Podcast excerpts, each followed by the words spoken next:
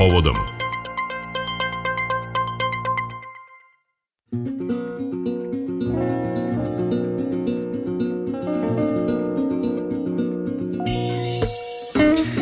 Doček dve nove godine u Novom Sadu 31. decembra i 13. januara označit će simbolično kraj jednog i početak novog poglavlja za Novi Sad, budući da predaje titulu Evropske prestonice kulture u Atini 9. januara. Šta nam je doneo taj projekat? Hoće li nastaviti da živi u nekom drugom obliku i kako će funkcionisati novi kulturni prostori u gradu nakon godine titule? Za rubriku Povodom govori direktor Fondacije Novi Sad, Evropska prestonica kulture Nemanja Milenković. Sa njim je razgovarala Ivana Maletin Ćorilić. Novi Sad će u novu godinu zaploviti sa velikom izložbom posvećenom Milevi Marić Einstein, koju smo zaista dugo čekali. Reč je o velikom multimedijalnom projektu iza kojeg stoji naš umetnik Dušan Jovović, čija multimedijalna izložba Vreme i Vasiljena o Milutinu Milankoviću je postavljena u studiju M. Kakav uvid u život Mileve će nam ova izložba pružiti i da li će ona prerasti u stalnu postavku? Budući da je deo muzeja grada Novog Sada rekonstruisan za njene potrebe? Pa ja sam srećan što nekako je Evropska predstavnica kulture uspela da u ovoj godini e, pomalo skrivene heroje grada e, nekako dodatno apostrofira. Od Mitra Subotića Sube, e, ako hoćete u Vrniku, Milica Stojanović Srpkinje, Katalin Ladik, dakle, tih nekih rečeno kažem skrivenih, naravno da određena grupa ljudi to zna, ali širo građanstvo pa i van Novog Sada nedovoljno znaju o, o, o tim ličnostima. Konačno, ako hoćete, i e, Mileva Marić Einstein, iako je poznatija u tom smislu, nedovoljno je otkrivena i nedovoljno se pažnjena ovaj, ikada Novi Sad odužio za sve ono što je donala svetskoj nauci i sama i svojim životom je nekako bila skrivena, a onda i mi se na neki način nismo na adekvatan način njoj odužili. Otuda ta želja od starta da tu priču njenu koja je odgovorila zašto se nije potpisivala i izjavila mi smo stena, dakle Einstein, je moment dualnosti koji je dodatno bio povezan sa ovim dočekom kojim smo stvarali evo šest godina. I razlog više da na steni u ovoj našoj ravnici koja je Petrojanska tvrđava od pamtiveka dominirana i nad našim gradom bude mesto susreta Alberta i Mileve i čitave njene priče u kojoj mi ni na koji način ne umanjujemo e, veličinu e, genija kakav je bio Albert Einstein, nego samo jedno novo svetlo stavljamo na značaj i Mileve u tom u tom dvojcu koji je imao i svoje emotivne uspone i padove, ali i to je na kraju život, samo smo nekako želeli prvi put da ona dobije puno svetlo u tom ukupnom učešću u kome se ona ostvarila i kao naučnica, i kao supruga, i kao majka. Možemo i tako posmatrati stvari, a ne samo kao neko ko je tragična ličnost u tom smislu. I negde, zahvaljujući njoj, opet, mi smo dobili jedan fantastičan prostor, 1200 kvadratnih metara muzeja grada Novog Sada po najsavremenijim muzeološkim principima koji ostaju fantastičan prostorni legat e, muzeja, ali i smernica kako dalje treba raditi u rekonstrukciji muzeja grada Novog Sada koji dominira nad Novim Sadom na Petrojanskoj tvrđavi. Tako da još jedna zahvalnost Milevi Marić Einstein što nas je ponovo okupila, jer da, naravno da je doktor Dušan Jovović čovek koji je ovo autorski zaista izneo na, na fantastičan način, ali ovo je čitav jedan proces i niz koji je trajao od eh, spisateljice italijanske Gabriela Grayson koja je dala prve smernice ka tome, e, uključivanju Case 3D studija, našeg najznačajnijeg arhitektonskog 3D studija iz Novog Sada, svetski priznatog, Zavod za spomenika koji radi u rekonstrukciji sa sve arheologijom i tako dalje, Muzeja grada Novog Sada u kojoj smo uključili i Erste banku, IPA projekat, dakle, čitava jedna zajednica i sinergija koja je na kraju rezultirala ovim i moram priznati da je neka vrsta uh, metafore zapravo to, mi smo stena konačno smo se popreli na taj, na taj vrh što uopšte nije bilo lako. Moram reći da zaista nije bilo lako da je ogroman izazov, jer evo, pomenuli ste izložbu i Milutin Vreme i Vaseljena, posvećena Milutinu Milankoviću i evo sada Mileva, mi smo stena, su e, dve izložbe novomedijskog karaktera, što je velika stvar i ne postoji u regionu tog tipa, ali s druge strane, to su projekti koji nisu bili samo izložbenog karaktera, nego je to infrastrukturni projekat koji je potpuno u slučaju Milutina vremena i Vaseljene restaurirao, prvo konzervirao prostor Studio M da bi ga očuvao onaka kakav jeste, a onda na to dodao nešto jer to nije galerijski prostor. To su hodnici, ako sećate se, bili kojima smo prolazili i prosto nepre, do neprepoznatljivosti smo ga doveli. A s druge strane, ovo sada što je urađeno utoliko više jedan zalog za budućnost kako takozvana jednostavna kasarna koja se nalazi uz arsenal to sad kažem, to su dva objekta u prošlosti koji su se koristili u, u, u vojnom smislu za Petrovinsku tvrđavu, sada muzeja grada Novog Sada, imaju prostor i mogućnost da zapravo to na taj način i predstavimo istoriju grada Novog Sada. Mislim da je ta naznaka bila i u onom depadansu dole u ovaj, muzeja grada Novog Sada u Dunavskoj ulici kada smo radili akcente u okviru programskog Luka Seobe, videli smo kako i na koji način atraktivno i drugačije može da se predstavi i sama istorija našeg grada. Tako da sve skupa Ovo je jedna velika završnica uz Tesla svetlosnu galeriju koju smo započeli prošle godine, ove godine dodatno aktualizujemo s novim umetnicima iz e, Evrope i sveta. Novi Sad zaista se nekako u tom vizualnom smislu novomedijskom pozicionirao kao jedan od lidera. Da, lepa simbolika i divan primer saradnje. E, izložba Mileva biće svečano otvorena u novogodišnjoj noći 31. decembra u sklopu dočeka koji će po drugi put biti organizovan u Podgrađu. E, izmeštanje dočeka sa glavnog trga i promena umetničkog koncepta naišli su na oprečne reakcije građana. E, šta je presudilo da do toga dođe i kojim kriterijima ste se rukovodili? E, jednostavno, podgrađe Petrojanske tvrđave zahvaljujući tituli Evropske predstavnice kulture i od strane države i od strane grada prepoznat konačno, ajde kažem, posle 300 godina kao dragulj Novog Sada koji treba ne samo zaštititi, što je on svakako bio, nego ga obnoviti, ali i staviti u funkciju daljeg razvoja njegove autentičnosti. Dakle, e, moment u kome se obnavlja podgrađe, mi ga zapravo dodatno ističemo. Ako ga ostavimo samo kao prostor koji je konzerviran, a u kome ne postoji sadržaj koji ga dodatno ističe, mislim da smo onda svi na gubitku. Konačno, i kritike koje sam imao prilike da čujem su mi interesantne, zato što naravno da to jeste dragulj svih nas, ali ako hoćete obaveza svih građana koji žive u podgrađu da sami obnove fasade, ali oni to ne rade. I u redu je, dakle, ovo je sada neka vrsta ulaganja u sve nas, ono što je naš dragulj, I s druge strane, to postoji i u Parizu, u Montmartre, dakle, ako ste tamo, znate da je drugačiji način života, drugačije se plaća porez, drugačije funkcioniše čitav taj kraj. Konačno, zašto ljudi koji, recimo, se bune, a nema ih puno, moram priznati, video sam par komentara, koji žive u podgrađu i koji su dobili obnovljene fasade, e, sada su oni zabrinuti za tako nešto, nema razloga, zato što ovo sve u sradnje sa Zavodom zaštitu spomenika i koja je razlika između onih koji žive u podgrađu i onih koji žive u centru. I to je kulturno nasledđe i zašto misle da je njima svih ovih godina to manje smetalo. Novogodišnji program u Podgrađu predvodit će imena poput Košin, Stereo MC-a, repetitora, obojenog programa, dakle manje poznate imena širem auditorijumu. E, kako je izbor pao na njih i kakva je bila selekcija? Doček je zaista uspeo da od puke zabave napravi nešto s čim Novi Sad zaista može da se ponosi na evropskom nivou. Dakle, kada kažemo jedinstvena umetnička proslava dve nove godine, to je zaista bio njegov identitetski identitetska odrednica šta je to što je doček, dakle sa jednom snažnom programskom i umetničkom e, pričom, ali ona je potvrđena kroz tu nagradu za najbolji evropski trend brand e, u Evropi u oblasti kulture i mislim da je to velika stvar. U tom smislu on je samo ne kulturološki menjao neke stvari, već i sociološki. Vi znate i sećaju se naši sugrađani, pa nije baš bilo uvek na Trgu Slobode bezbedno pre nekih deceniju i više dolaziti na, na, na događaje koji su bili organizovani, e, jer je bilo svega. Ovo je sada postala jedna zaista porodična stvar u kojoj u toj porodičnoj šetnji 31. decembra u kome imate i izložbe i sama saradnja izvođača sa vizualnim umetnicima u scenskom dizajnu daju jedan doživljaj u kome se smenjuje i starostno sama populacija. Dakle, ima programa i za mlađe generacije i za starije generacije, jer i u bezbednostnom smislu važan je moment protoka ljudi, a konačno sve skupa, kao što doček to uvek e, od starta i baštinio, nama su važni ti nesvakidašnji prostori koji dodatno naglašavaju svu lepotu i vrednost Novog Sada koji ima. Da, Gradić kao barokni dragulj Novog Sada zasio je u godini titul Evropske predstavnice kulture u jednom potpuno novom e, ruhu. E, kakav je dugoročan plan njegovog razvoja? Svedoci smo da je i festival uličnih svirača kao i brojne druge manifestacije postao e, deo njega. Da li će on biti pretvoren u pešačku zonu i postati nova kulturna četvrt Novog Sada? Ja se iskreno nadam tome. Ovo je naravno pitanje pre svega za donosioce odluka u samom gradu. Mi smo dali neke vizije i viđenje u kom pravcu neke stvari mogu da se rade i na to sam izuzetno ponosan ispred svog tima i podrške grada koje smo dobili.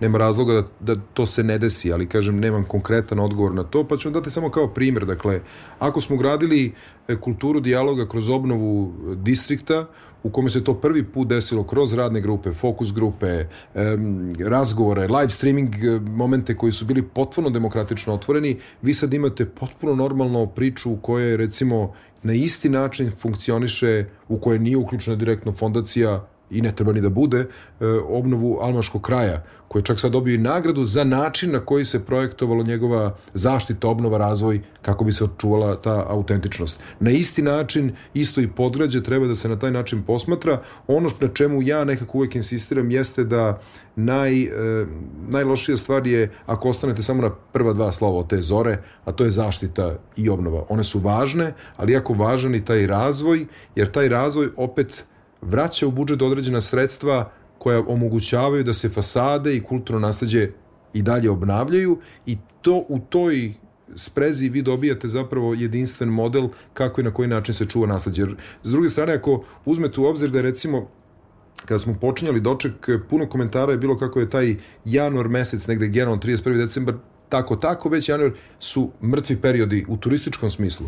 Vi sad imate oborene rekorde i to je nešto po čemu je Novi Sad prepoznatljiv i to će vam reći, dakle, evo sad i kroz evaluaciju nezavisnih e, evaluatora sa Novosadskog univerziteta, povratne informacije koje pokazuju ne samo u kulturološkom, sociološkom smislu, nego i u ekonomskom, vi dobijate jedan novi zamajac ekonomski i u hotelijerstvu, i u gostiteljstvu, i u nekim drugim, dakle, uslugama koje omogućavaju da grad živi i u tom privrednom smislu. Veliki infrastrukturni radovi i na rekonstrukciji starih i na izgradnji novih kulturnih objekata, rekla bih, obeležili su projekat Evropske predstavnice kulture u Novom Sadu. Najbolji primer za to je nekadašnja kineska četvrta, današnji kreativni distrikt, centar savremenog stvaralaštva. Kakva je njegova umetnička vizija? Kako će on izgledati po završetku projekta? To je jedan zaista ogroman projekat, zato što evo pomenuli smo i Almaški kraj koji je sa kulturnom stanicom Svilara započenu novu iskru čitave obnove, ali to su prostori poput Podgrađa recimo i, i, i Almaškog kraja koji su ipak očuvani. Dakle, distrikt, ja u šali kažem, ali eto, sledeće godine mu se posvećujemo na taj način i želimo da iznesemo ne samo monografiju, nego i izložbu koja će predstaviti 100 godina samoće, u slučaju distrikta 100 godina teškoće njegovog postojanja, koji puno toga priča ne samo o tom prostoru, nego o jednoj zaista teškoj istoriji grada Novog Sada u tom smislu s ožiljcima koje su povezane i sa e, racijom, i sa bombardovanjima i 44. i 99. Tako da zaista je to jedan uzbudljiv kraj prostorni koji je dugo spavao u nekom nepoznatom, pa čak ako hoćete i terminološkom neodređenom terminu te, takozvane kineske, a čitav jedan prostor i predratnog tog braća Kramer, dakle fabrike i čitav industrijske zone koja je tu živnula um, okupacije koja je opet nosila svoju težinu koju sam pomenuo, e, s druge strane konfiskacije i kasnije dakle nacionalizacije čitavog tog prostora, a onda od 74. neke transformacije u nedefinisan prostor koji je napušten i tako dalje, pa onda od 21. veka taj moment savremenog stvaralaštva koji je ček dobio u procentima, pričali smo to 2-3 procenata nečega što je bila umetnost, e, da sada zaista u punom kapacitetu počne da živi. Vi ulazite u jedan prostor koji je sve, samo ne, kako kažem, čak ne ni zaštićen. On nije bio prepoznat u katastru kao nešto što je važno gradu. Dakle, to je moglo da bude jedan stambeni prostor, mogo je biti prostor e, tržnog centra i tako dalje, ali uz podršku grada, u strategiju razvoja kulture grada, gde je prepoznato kroz akcioni plan razvoja kreativnih industrija i savremenog stvaralaštva, vi ste dobili prostor koji je prepoznat i koji kroz ovaj princip zore koju sam pomenuo kreće njegova prvo zaštita, znači prepoznavanje kao prostora koji je važan u arhitektonskom smislu, a onda njegova obnova. A ta obnova je izuzetno zahtevna zato što su to prostori u kojima nikada ništa nije do kraja sagledano u koje meri je očuvano i tako dalje. Dakle, e, insistiranje i fondacije i grada da se autentična cigla očuva imalo svoju cenu, zato što e, tri objekta mogu da vam ja sad potvrdim e, su bila bez temelja I sad, kada vi krenete da radite rekonstrukciju, vi se ne, ne znate šta se nalazi dole i dobijate moment u kome se ona samo ovako kao kućica od kartona raspadne i onda to pravi potpuno novi pristup i samim inženjerima i u projektovanju, tako da e, iako on još uvek nije gotov, ja mislim da to uopšte nije bitno. Kako da veliki da kažem, deo je završen. Veliki Zapravo. deo, znači mi govorimo o sedam završenih i, i, i obnovljenih prostora i on dalje nastaje da se radi i radujem se Čeličani koji će zaista biti fascinantan prostor kada bude bio gotov i to uh, sledeće godine nadam se sa time bi otvorili kalidoskop kulture i konačno lančara koja treba da se desi. Potom, sve drugo što treba da, da, da se nastavi na tom prostoru distrikta koji ne podrazumeva samo taj prostor te fabrike, nego i onaj moment koji se dešava nekadašnje mostogradnje, gde treba da zaživi memorialni centar posvećen pogromu, je čitava jedna priča i narativ koji Novi Sad uh, svrstava u, u jednu novu dimenziju, ja sam u šali rekao srpski Liverpool, ali zaista sa tom alternativnom scenom, sa narativima koje ima, sa pričama koje sam pomenuo, sa Albertom i Milevom koji odate dolaze na štrand i tako dalje, to je nešto što ne može svaki grad da se pohvali. Kreativni distrikt je dobio i svoje prve stanare, među kojima su Francuski institut, Fabrika, Telje 61, Slikari i mnogi drugi. Ko će biti njegovi budući stanari? Koji su preduslovi za dobijanje prostora? Da li građani mogu da konkurišu ili samo institucije? Kakva je politika? Dugo smo o tome pričali, fondacija se zaista trudila i kroz konferencije koje znam da su manje atraktivne, mi smo zaista dovodili e, ljude iz sveta sa njihovim primjerima i praksom kako i na koji način se jedno industrijsko nasledđe u tom smislu razvoja, a očuvanja autentičnosti vodi. E, postoje različite modeli, postoje različiti pristupi svemu tome, a koji opet treba da se usklade sa našim zakonima. Ono što za sada znamo da to jeste imovina koja pripada gradu, odnosno konkretno e, upravi za imovinu i ona je nadležna za tako nešto. Ono što pokušavamo samo dodatno da apostrofiramo jeste da se kroz jedan pravilnik, pa čak i u konkursu, ko može da bude titular i e, korisnik tog prostora, zaista uvede jedan ram pravila igre kako i na koji način možete da tu budete, ne samo u smislu koste, da pripadate savremenom stvaralaštvu, ili, ili doprinosite njegovom razvoju, umetničkoj produkciji i tako dalje, nego s druge strane i kako i na koji način taj prostor treba posmatrati i u turističkom smislu. Dakle, to je jeste jedna nova mikrodestinacija u gradu u kojoj ukoliko se nalaze slikari, ali koji nisu tamo nikada, onda čemu smisao taj? Ako imamo hotelje 61, ako su vrata zatvorene i zaista se ne vide umetnice tkalje koje to fascinantno rade, onda u stvari to nema tu vrednost, onda je to mogu biti u bilo kom drugom prostoru. Tako da ta spona te, dozvolite sebi da kažem nešto što se koristi generalno u teoriji te ekonomije doživljaja, da vi vidite kako nastaje savremeno stvaralaštvo, mislim da je neponovljiv, neponovljivo iskustvo i vrednost koju distrikt sa sobom nosi. Da, u kreativnom distriktu svoje mesto je našla i kulturna stanica Liman, jedna od kulturnih stanica čija mreža je uspostavljena u godini titule kao deo projekta Evropske prestonice kulture. Poslednja u nizu otvorena je u Kovilju, u toj zoni 021 i zaista u godini titule u njime je organizovan raznovrstan program i lokalni umetnici su dobili šansu da predstave svoj rad e, sugrađanima, a i široj e, publici. E, kako će taj model mreže kulturnih stanica stanica funkcionisati po završetku godine titule i koji će biti njihov glavni izvor finansiranja? Do sada su bili konkursi putem kojih je najveći deo programa i finansiran. E, mreža kulturnih stanica zaista nešto Novi Sad može da se pohvali. E, kada dobijate e, upite od strane kulturne scene i gradova iz Norveške, Holandije, Francuske, to je zaista kompliment za nas. Dakle, ne samo ono što sada je BBC, Euronews, Arte televizija su prepoznali to kao nove toponime grada, jer su svojom autentičnošću svilare, ečega, barke i tako dalje, imaju svoje priče autonomne i narativne koje su vezane za tu neku vrstu, ako hoćete, i lokal patriotizma, ali ono što je jako bitno, one u, u, u management sistemu, u organizacijalnom sistemu dišu kao jedno. Dele resurse i to mislim da je izuzetno važan novi inovativni model u kulturi zato što ne postoji devet kulturnih centara gde svaka ima svoju javnu nabavku za, ne znam, administraciju, papire, promociju i tako dalje, produkciju. Ne, resursi se dele iz jednog centra, postoji jedna stranica, dakle, u kojoj možete da nađete tipa kroz filter dečiji program, kad ukucate dečiji program, možda vam se učini interesantnim da uputite se kao građan ovog sada na stanica, tako da. je, do Bukovca, Rumenke, negde da možda nikad ranije pre niste bili. Dakle, to je bio cilj i mislim da je to uspelo. Ono što je dobro uz doček kao programski model i, i e, kalidoskop kulture kao legate koje zaista želimo da očuvamo, mreža kulturnih stanica je ušla u direktno formalnom smislu u sistem e, kulturnog centra Novog Sada koji iz centra zapravo rukovodi svima njima. I ja se nadam i verujem da sa timom koji smo gradili kroz ove godine, kroz kulturne stanice, a koji ostaju Dakle, ono što je dobro ne menja se u tom smislu jer ljudi na kraju čine uspeh, a ne sami objekti, ostaju tu da jesu i nastavljaju da na istom tom principu uključivanja i scene, ali i građana, jer je to izuzetno važno da u stvari imate tu kulturu koja ide od dole ka gore, da oni to doživljavaju kao svoj jedinstven prostor.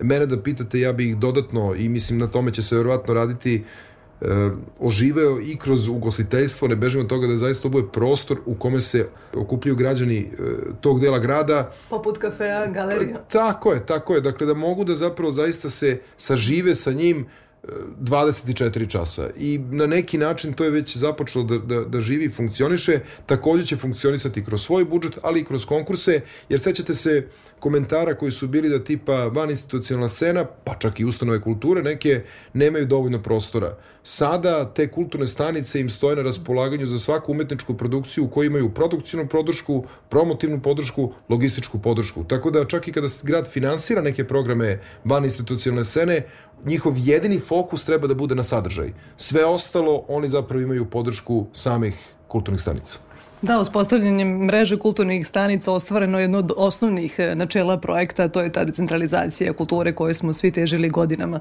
A program Evropske predstavnice kulture završava se simbolično 13. januara proslavom Srpske nove godine uz koncerte domaćih i stranih izvođača na više lokacije u zoni 021 u zatvorenim kulturnim prostorima. Kakvo obeleže ste time hteli da date premeštanjem takođe programa u zatvorene prostore i kako ste se odlučili za naplatu ulaznica? Evo par, ne zamerite mi, par ispravki uslovno rečeno. Dakle, e, godina titule je završena sa drugom Evropom. Mhm. Dakle, krajem novembra. Ovo što se dešava doček jeste zapravo ta vizija u kojoj e, kroz nagradu Bilina Merkuri koji je grad zaslužio zahvaljujući pripremi radu fondacije sa svim ustanoma, scenom i sa građanima, mi u stvari neki način sami sebe častimo i ponovo pozivamo sve posetioce i turiste da dođu u naš grad e, da bi predstavili ono što doček je od starta nosio, a to je identitetsku interkulturalnost koju smo predstavili kroz dualnost proslave dva kalendara, dva računanja vremena, dva pisma, dve umetnosti, ali i dva programska koncepta koje su od starta definisana i to je ono što je vrednost dočeka. Dakle, 31. decembra uvek je na otvorenom i ulaz je slobodan. 13. januara od bukvalno prvog dačeka uvek se dešavalo dakle samo noću u zatvornim prostorima sa naplatom e, ulaznica. Zašto? Na to mogu da odgovorim. To je organski proces razvoja bio svaku kartu koju, koju vrednujete i koju zapravo platite vi ulažete ponovo u kulturu. Kako i zašto? Zato što time spajamo vizuelne sa izvođačkim umetnicima pa tako imate razvoj jedne čitave scene u kome recimo e, na nesvakidašnjem mestu reformatorske crkve nastupit će e, panonski paganini Lajko Felix, ali u saradnji sa Aleksandrom Nikolićem Rejtelj koji će odigrati čitav jedan prikaz igre Senki. To više nije koncert, to je doživljaj. E, isti princip će se desiti i na koncertu neke afričke kraljice R&B-a, dakle sa novosadskim umetnicima. E, Mija David i, i, i profesorka na e, fakultetu scenskog dizajna u Novom Sadu takođe će raditi ABOP u radničkom domu. Dakle, mi pravimo moment tog spajanja i upravo iz tih ulaznica mi ulažemo ponovo u tako nešto jer svaki grad možda ima koncerte, ali samo Novi Sad ima doček koji zapravo nudi spajanjem te dve vrste umetnosti jedinstven doživljaj. Bliži se kraje godine, vreme kada sumiramo utiske. Šta je po vašem mišljenju ono glavno što je titula Evropske predstavnice kulture donela Novom Sadu? Veru da možemo da postignemo ono što zacrtamo i da treba da budemo dovoljno hrabri u tome, jer najgorija je apatija, i sad ta procena koliko je to zasijalo je subjektivna. Naravno, pokazat će ovi rezultati koje ćemo predstaviti kroz činjenice šta je zapravo sve donelo, ali jedna svest koja treba da postoji e, i koja je, čini mi se, nekako započela Evropska predstavnica kulture, po meni, bolje upaliti makar i sveću nego večito proklinjati mrak. Sad, koliko je to svetlo bačeno, da li je to bila zaista buktinja ili samo sveća, to je sad stvar lične procene. Po kojim događajima ćete pamtiti godinu u kojoj su prerasli nacionalne okvire i predstavljali svetsku ekskluzivu? Ostaje da su to kao veliki događaji koji, recimo, neke stvari mislim da su neponovljive iz puno razloga, tipa svečano otvaranje sam Zeniteum, dakle sam, samo kao, kao taj antispektakl, kako ga je reditelj Dragna Živadinov nazvao, je nešto što uz sa učešće Banovine, Dragiše Brašovna kao ravnopravnog aktera sa svim ostalim umetnicima, mislim da nešto što ne može da se više ponovi. Nije to pitanje ne sredstava, nego to je zaista bio jedan poduhvat koji je podrazumevao toliko kompleksnu saradnju sa različitim e, akterima, E, takođe Beethoven maraton mislim da tako nešto ne može da se ponovi. U ostalom to je zaista jedan od najvećih događaja klasične muzike ne samo u ovoj godini u svetu nego i šire jer su spojena dva velika orkestra i u jednom danu je osvirano devet Beethovenih e, simfonija sa sve slovačkim e, državnim horom, znači 200 muzičara na tvrđavi, nešto što je zaista nadišlo u tom smislu. Ali, s druge strane, evo, pominjali smo i ove novomedijske izložbe,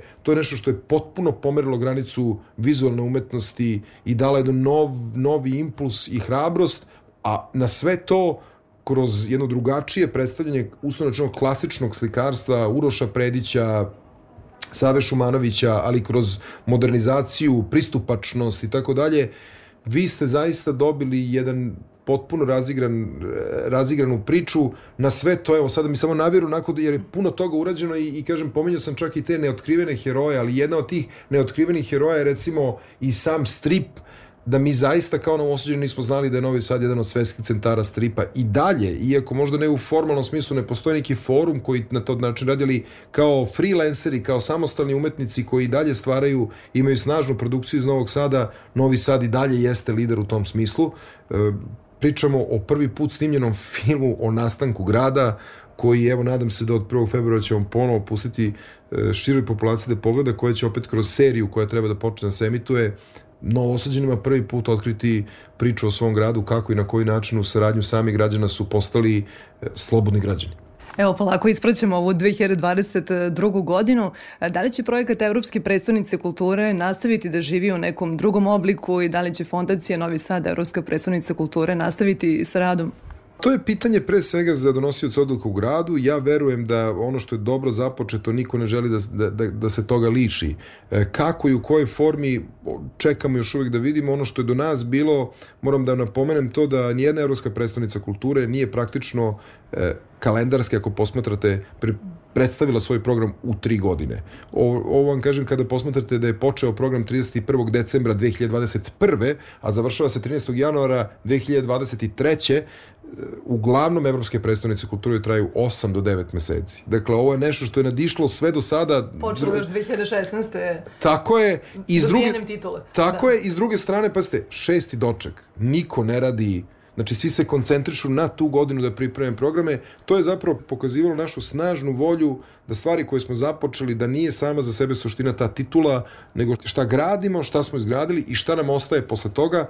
Otuda verujem da u programskom smislu ono za šta će se fondacija zalagati jeste još snažniji, još bolji kalidoskop kulture i doček kao nešto što zaista jeste prepoznatljivost dva, dva ključna momenta grada. Da li će neki drugi programi ostati legatski, ja bih ih voleo, tipa, evo videli se da je u finale ušao i, festival za mlade e, zastave budućnosti na evropskom nivou, dakle ukoliko se okiti tom nagradom, ali i bez nje, on pokazuje ogroman moment impulsa koji je dat upravo kroz distrikt tog novog talasa e, koji se ponovo desi u Novom Sadu.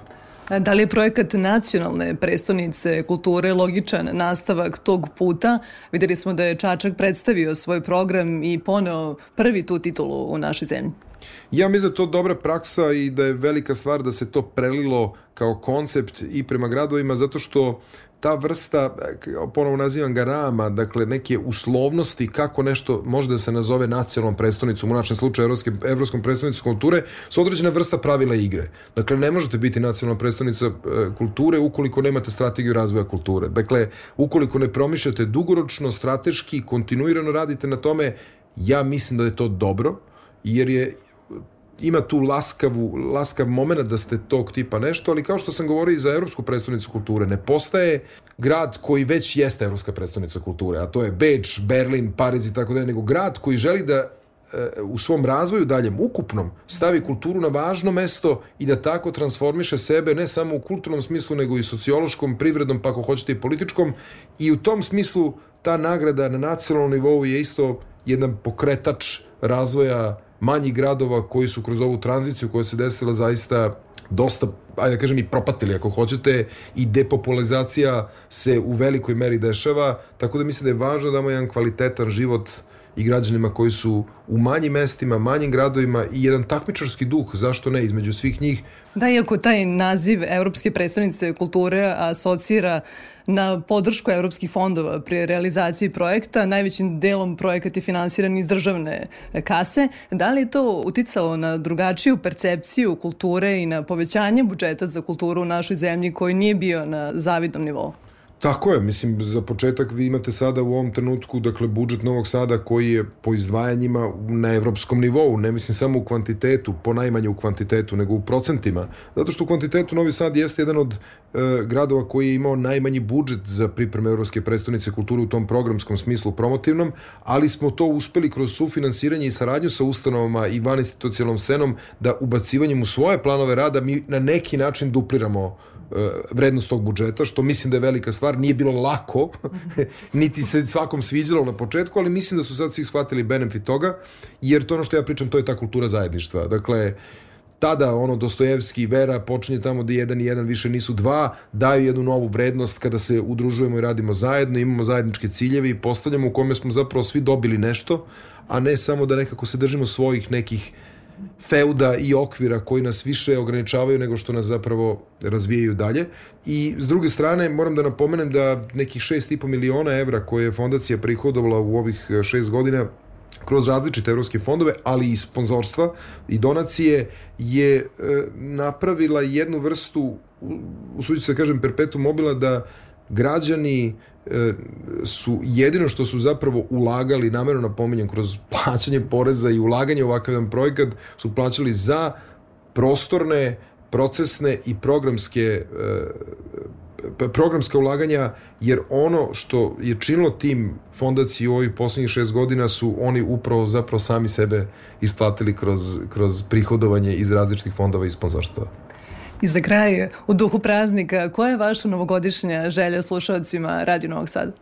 Pa evo, skoro sam nešto bio čitao, pa mi sad ostala samo ta misla, ali evo, neka bude što biti ne može. I mislim da moramo ostati na tom tragu da ukoliko e, sami sabijemo male okvire i ne sanjamo veliko, onda ćemo u tim okvirima i ostati. Dakle, da treba biti hrabar i treba sanjati veliko, ograničenja su ogromna i uvek će ih biti, ali evo, kažem, uz tu veru neka bude što biti ne može.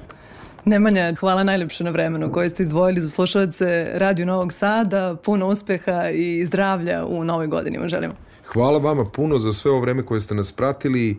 Drago mi da smo imali vrlo iskreni i otvoren odnos, da ne, nije postalo na jedno teško ili nezgodno pitanje i mislim da je to upravo što sam bio pričao jedna od procesnih legata koji ostaju da kroz praćenje meda i davanje važnosti kulture na nekom značajnijem pedestalu nego što je bio do sada i otvorenost da pričamo o svemu donalo jednu novu vrednost u kome kultura je način života. Direktor fondacije Novi Sad, Evropska predstavnica kulture, Nemanja Milenković, bio je gost naših programa.